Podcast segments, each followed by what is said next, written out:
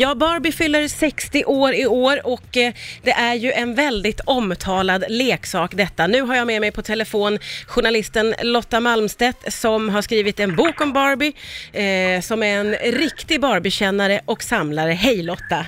Hej! Du menar ju att Barbie är missförstådd. Va, va, Absolut. Hur, hur menar du då?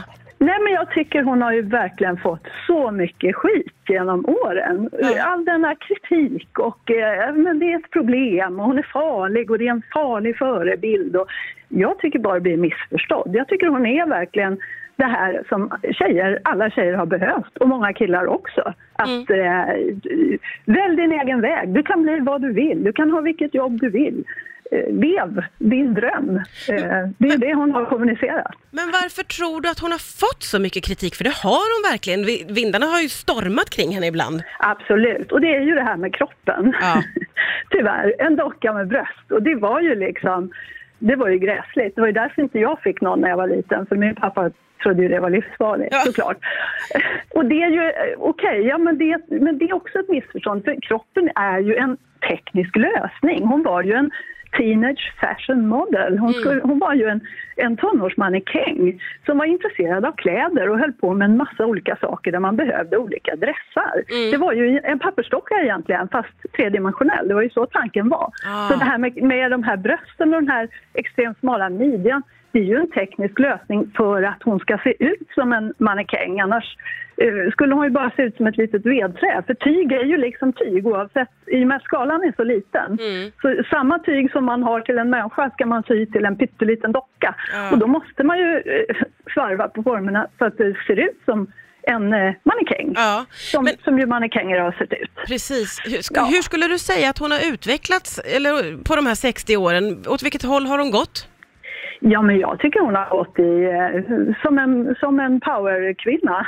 Ja. Hon var en powerkvinna redan då. Och hon har ju, det är så många människor, så många barn över hela jorden som känner till Barbie. Jag tror hon är mer känd än Marilyn och eh, Elvis och påven. Ja. Alla vet vem Barbie. Och så många hon ändå har varit en en kompis, Mm. eh, en leksak, en kompis eh, som har varit med i 60 år. Ja. Snacka om relevant. Ja, verkligen. Det där tycker jag är intressant. Eh, På vilket sätt är Barbie relevant idag? Det ska vi prata mer om alldeles strax, du och jag här.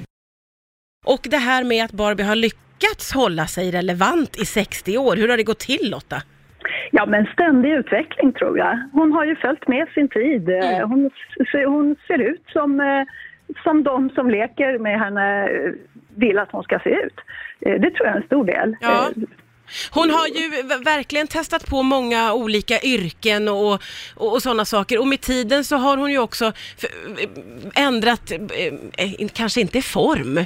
Eller? Jo, det har hon faktiskt. Har hon ja. det? ja, men som ett svar på den här kritiken som vi var inne på, den här tekniska lösningen kroppen, så kom det ju faktiskt Curvy Barbie. Ja, ja, Eh, ja. Alltså för 2016 så tog ju den här firman fram eh, nya varianter av, av Barbie då, tall och petit och curvy. Ja. Eh, så, så att ja, det är ju som ett svar på denna ständiga fixering vid inte bara eh, kvinnors kroppar utan dockors kroppar. Ja, också. ja, precis. Är hon förstådd idag skulle du säga?